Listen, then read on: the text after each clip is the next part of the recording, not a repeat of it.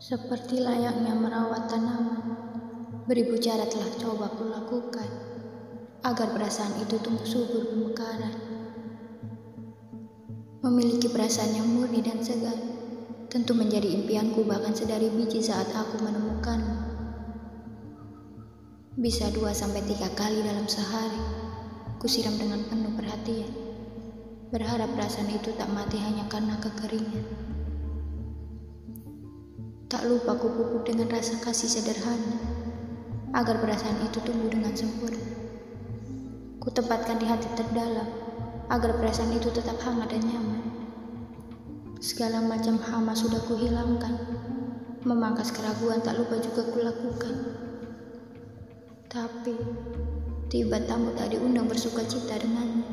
Bahkan perasaan itu seakan lupa siapa pemilik sejatinya. Semua kini menjadi sia-sia.